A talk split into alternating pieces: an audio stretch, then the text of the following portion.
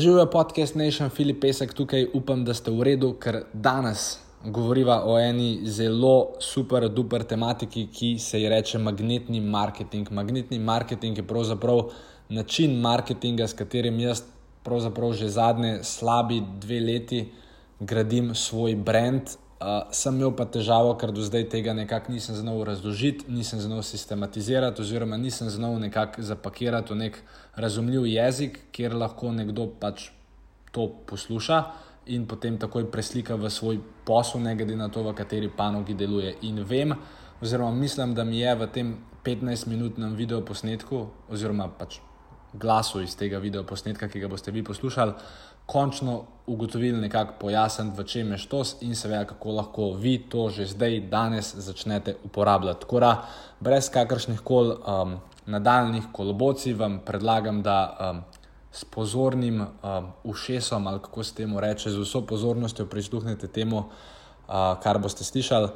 kar zna biti zadeva za uh, vaš marketing kot tak res prelomna in znate s pomočjo teh informacij marsikaj narediti, oziroma popolnoma spremeniti rast vašega podjetja. Tako da gremo na uvodno špico.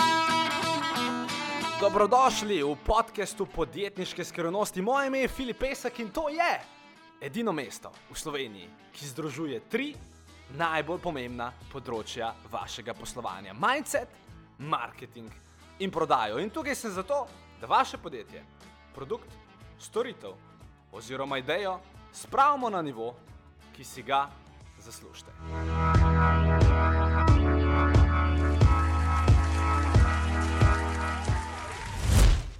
Živijo, Filip tukaj in danes bi rad z vami govoril o tisti stvari temle, torej o eni konkretni oglaševalski kampanji. In usporedno z njo bi vam rad predstavil eno prav posebno oglaševalsko strategijo, ki se ji reče magnetni marketing, ki je v bistvu zelo učinkovita, zato ker jo v Sloveniji skoraj nihče ne uporablja. Tako da, da ne bom govoril v prazno, jaz predlagam, da kar začnemo. Danes bomo govorili o najnem Milošu.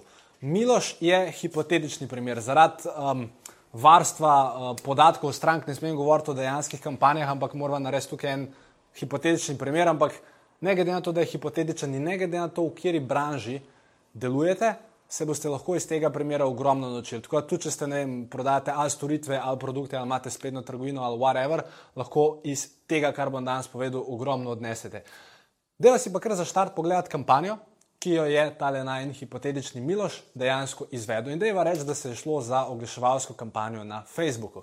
Torej, tale najn Miloš je pač, deva reči, tak povprečen slovenski oglaševalec in je napisal na Facebook, torej da je sliko gum, in je napisal uh, poceni nove gume, uh, 20% off z kodo Facebook, ko pokličete na telefonsko številko nič 41, nič, nič, nič, nič, nič, nič, nič. In seveda uh, Miloš je to zagnal na Facebooku in potem je eventualno Facebook oglaševanje ustavil in je pogledal svoje rezultate. In je ugotovil, da je on v bistvu zapravil 100 evrov oglaševalskega denarja in zato in iz tega sta se zgodile dve prodaji. Torej, dve stranki sta pri njemu kupile gume, kar je, dajmo reči, za njega 2400 evrov. Številke so fiktivne. In ne vem sicer zakaj, ampak dajmo reči, da ima slabe marže. Je on iz tega ustvaril vse skupaj, ki je odštel vse oglaševalske stroške, pa stroške delavcev, pa stroške nabave, pa DDV, pa vse ostalo, je dobil 50 evrov profita. In zdaj se nekako treba vprašati, ali je ta kampanja od Miloša s tem besedilom bila profitabilna? In odgovor, ko pogledamo številke, je ja. In še enkrat, dosti bož, da je Miloš naredil to, kot pa da ni naredil nič. Samo danes ne govorimo o tem, kako biti povprečen, danes govorimo o tem, kako dejansko narediti orang marketinško kampanjo in dejansko dominirati v vaši branži oziroma v vaši panogi. Ker što se v tem? Mogoče je res, da je Miloš na kratki rok naredil 50 evrov profita. Sam dajmo v, v pogled oziroma v consideration vzeti še tele tri številke. Torej, ko je šel Miloš v svojega oglaševalca, je ugotovil, da je ta oglas videlo 7613 ljudi. In od teh 7613 ljudi ga je 12 ljudi poklical In od teh 12 ljudi se je pač z dvema zmenil, ne, ostalih deset je rekel, da je predrago, da nimajo časa, whatever, čeprav so oni poklicali, kar je nesmiselno, ampak ok. Torej, 12 je na, ta, na to oglasno sporočilo odgovoril, 7601 oseba pa se na ta oglas ni odzvala, ampak ga je videla, mogoče za tisočinko, mogoče za desetinko, mogoče za sekundo, mogoče za pet sekund, mogoče ga je dejansko šla brati, čeprav sta bila samo dva stavka. Skratka, 7601 človek ni na njega odgovoril, kar je normalno. Vedno, ko ste delali oglaševalsko kampanjo in probali nekomu, ki vas ne pozna, nekaj prodati, lahko pričakujete od nič cela, nič dva.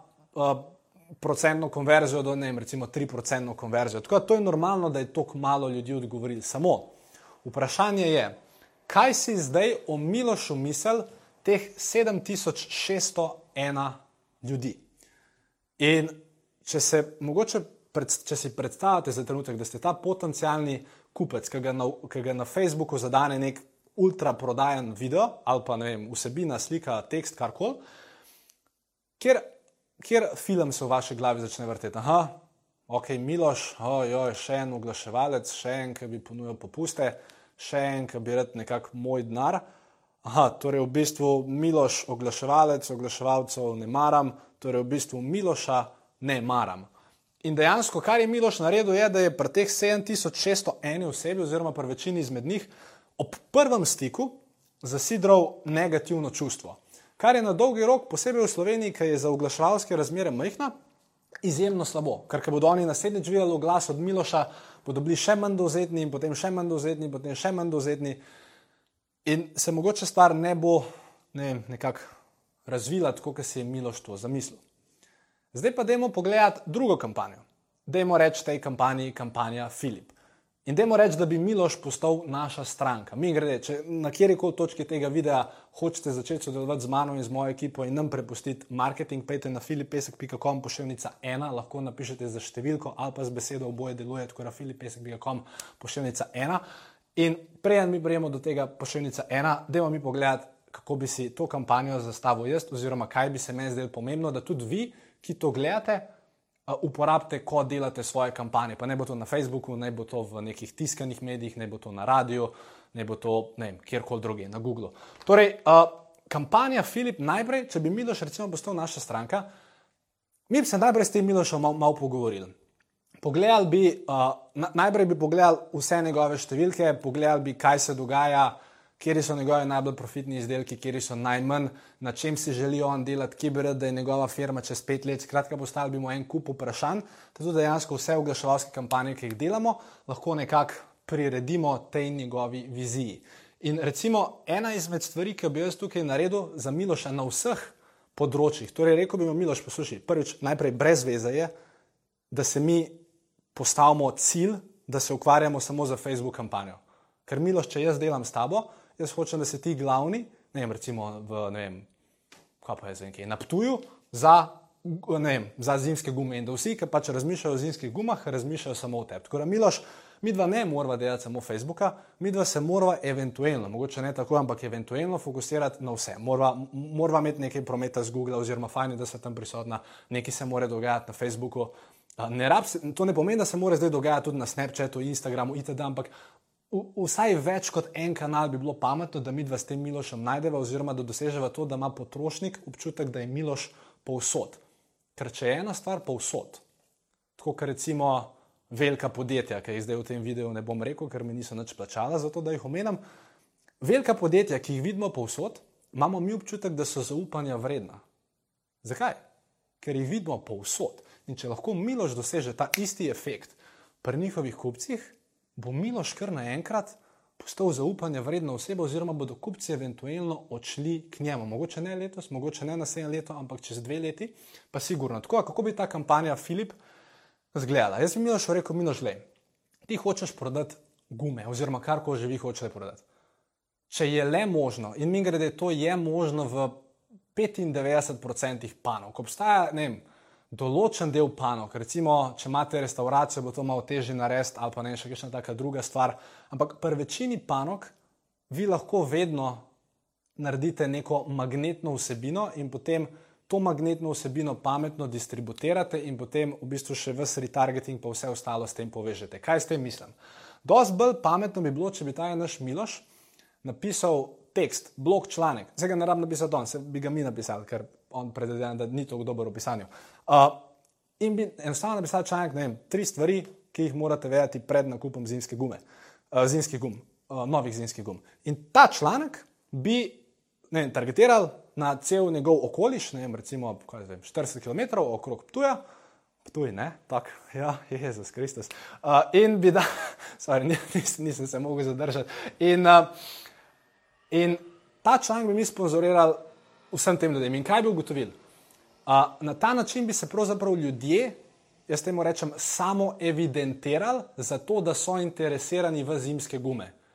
Torej, na mestu, da jaz vsem oglašujem, kupite zimske gume ceneje, bi jaz najprej štartal z neko vsebino in potem bi prodajna sporočila targetiral samo ljudem, ki so izkazali interes v to vsebino. Zato, ker po logiki, kdo bo kliknil na članek z naslovom Tri stvari, ki jih morate vedeti pred nakupom novih zimskih gum? Ja, verjetno sam un, ki pač razmišlja o nakupu zimskih gum ali pa pač on, ki je mogoče mentalno moten, pa ima preveč časa, pa pač na vse stvari klikne, ki jih na Facebooku vidi in pol istočasno še vse članke deli. Ampak to je zdaj ena druga zgodba. Tako da najprej bi štartal s to kampanjo, kjer bi mi grede klik, zato ker se gre za vsebino in ne za prodajno vsebino, dobil dejansko zelo poceni in potem bi dejansko vse ljudi, ki so prišli na ta članek, zapis, na koncu zapisa, bi torej, ker sem jim te uporabne stvari dal, Potem na koncu bi rekel, hej, mimo grede, če pa se želite nove zimske gume, trenutno imamo eno prav vročo ponudbo, ne vem, gum znamke XY, ki jih lahko dobite tako, če pokličete sem ali pa ne vem, izpolnite ta obrazec itd. Torej, ampak se niti ni zdaj, ker večina, tudi če bi ljudje ta blog članek prebrali, večina ljudi ne bi verjetno na koncu tega blog članka kupila teh gum. Ampak zgodila se je zelo pomembna stvar. Namesto tega, da smo mi zdaj tej stranki probajo že od začetka nekaj prodati in da je naš prvi vtis bil, ojoj, še en oglaševalec, smo mi dejansko prvi stik, ki smo ga vzpostavili za stranko. Prvi vtis je bil prek vsebine. Je bil na način, da je enostavno ta stranka nas zdaj kar enkrat bolj zaupa in bo dosti bolj dovzetna, ko bomo mi v sklopu tega drugega dela, ki je potem retargeting del, začeli plasirati vse vsebine oziroma začeli pasirati naša bolj konkretna prodajna sporočila, pa mogoče istočasno izmenično še kakšno novo vsebino itd. Tako da, to bi bila v bistvu kampanja, kot bi jo naredil jaz, recimo govorila sam na Facebooku, potem seveda v retargeting proces bi se vključili še drugi kanali, mogoče bi šli, šli, šli tukaj tudi v povezavo z kakšnimi klasičnimi mediji itd. Ampak namen vse te aktivnosti in vsega tega pristopa, kam jaz rečem magnetni marketing, je, da v bistvu istočasno oziroma da primarno komunicirate z kupcem neko vsebino in potem v sklopu retargetinga, kjer mi grede večina podjetij ne dela tistega, kar bi mogla, da v tem sklopu retargetinga potem izmenično komunicirate s tem potrošnikom dodatne vsebine in nove prodajne nagovore oziroma prodajne nagovore iz drugih zornih kotov. Tako da upam, da vam je to bilo v pomoč in upam, da boste kaj tazga znali uporabiti tudi v vašem poslu. Obstajajo samo tri težave. Mislim, tri težave, moderno se temu reče, izzivi. In te tri izzivi so, prvič, večina ljudi, recimo, se ne počuti komod, oziroma ne zna res učinkovito pisati vsebinsko slash prodajnih tekstov. To je prvi problem. Druga, drugi problem, večina ljudi na Facebooku oglašuje tako, da pač klikne boost post ali pa tam neki v unem ads managerju se igra, ampak ne ve čisto točno, kaj klikati, tako da to bi znal biti drugi izziv, torej pisanje tekstov, drugi izziv, nepoznavanje oglaševalskih platform itd. In tretja stvar, eni ljudje, eni podjetniki se enostavno s tem noče ukvarjati, pač enostavno nimajo časa za to, da bi pisali, da bi tam spremljali analitike, ne vem kaj delali. In če ste nekdo, ki ali mogoče ne zna najbolj pisati, ali ki mu oglaševalske platforme niso najbliže in ki mogoče ne vem. Nima časa, da bi vse to delal sam, in če bi radi, da to naredimo mi na mest vas, super, obstaja ene par pogojev, eh, torej s kom delamo in s kom ne. In te pogoje, oziroma to vabilo k sodelovanju, si lahko preberete na filipesek.com, pošiljka ena ali pa ena za besedo. Tako da imate sicer gor nad videom link, če ste kliknili prikaže več, boste tam imeli direktno link za tiste, ki se vam ne da pisati. Če pa tega linka ne najdete, ali pa ste že med unimi hitrimi, ki ste že odprli nov zavihek in napisali filipesek.com, pošiljka ena, pa pa tudi super. Za vse ostale, ki vas pa ta filipesek.com, pošiljka ena ne zanima, Nič narobe, jaz sem bil blazno vesel za to, da sem, to, da sem to vsebino lahko delil z vami. Tudi v prihodnosti bi rad v sklopu tega našega nadaljnega komuniciranja vam rad dal čim več uporabnih nasvetov, zato ker enostavno verjamem, da več nas podjetnikov, ko, ki bo dobro delal, boljši nekako, uh, da imamo temu reči. Uh, ko se temu reče, na boljšem glasu bo oglaševanje in tudi seveda na ta način bomo dosti lažje prodali svoje izdelke in tudi kupcem bomo konec koncev uh, dosti lažje pomagali. Tako da veselil me je, da ste si to pogledali, če imate kakšno vprašanje, veste, kam ga napisati. Oziroma, če se želite prebrati so naše pismo oziroma povabilo, pejte na filipesek.com, pošiljnica ena. Lepo se majte, do naslednjič. Čau!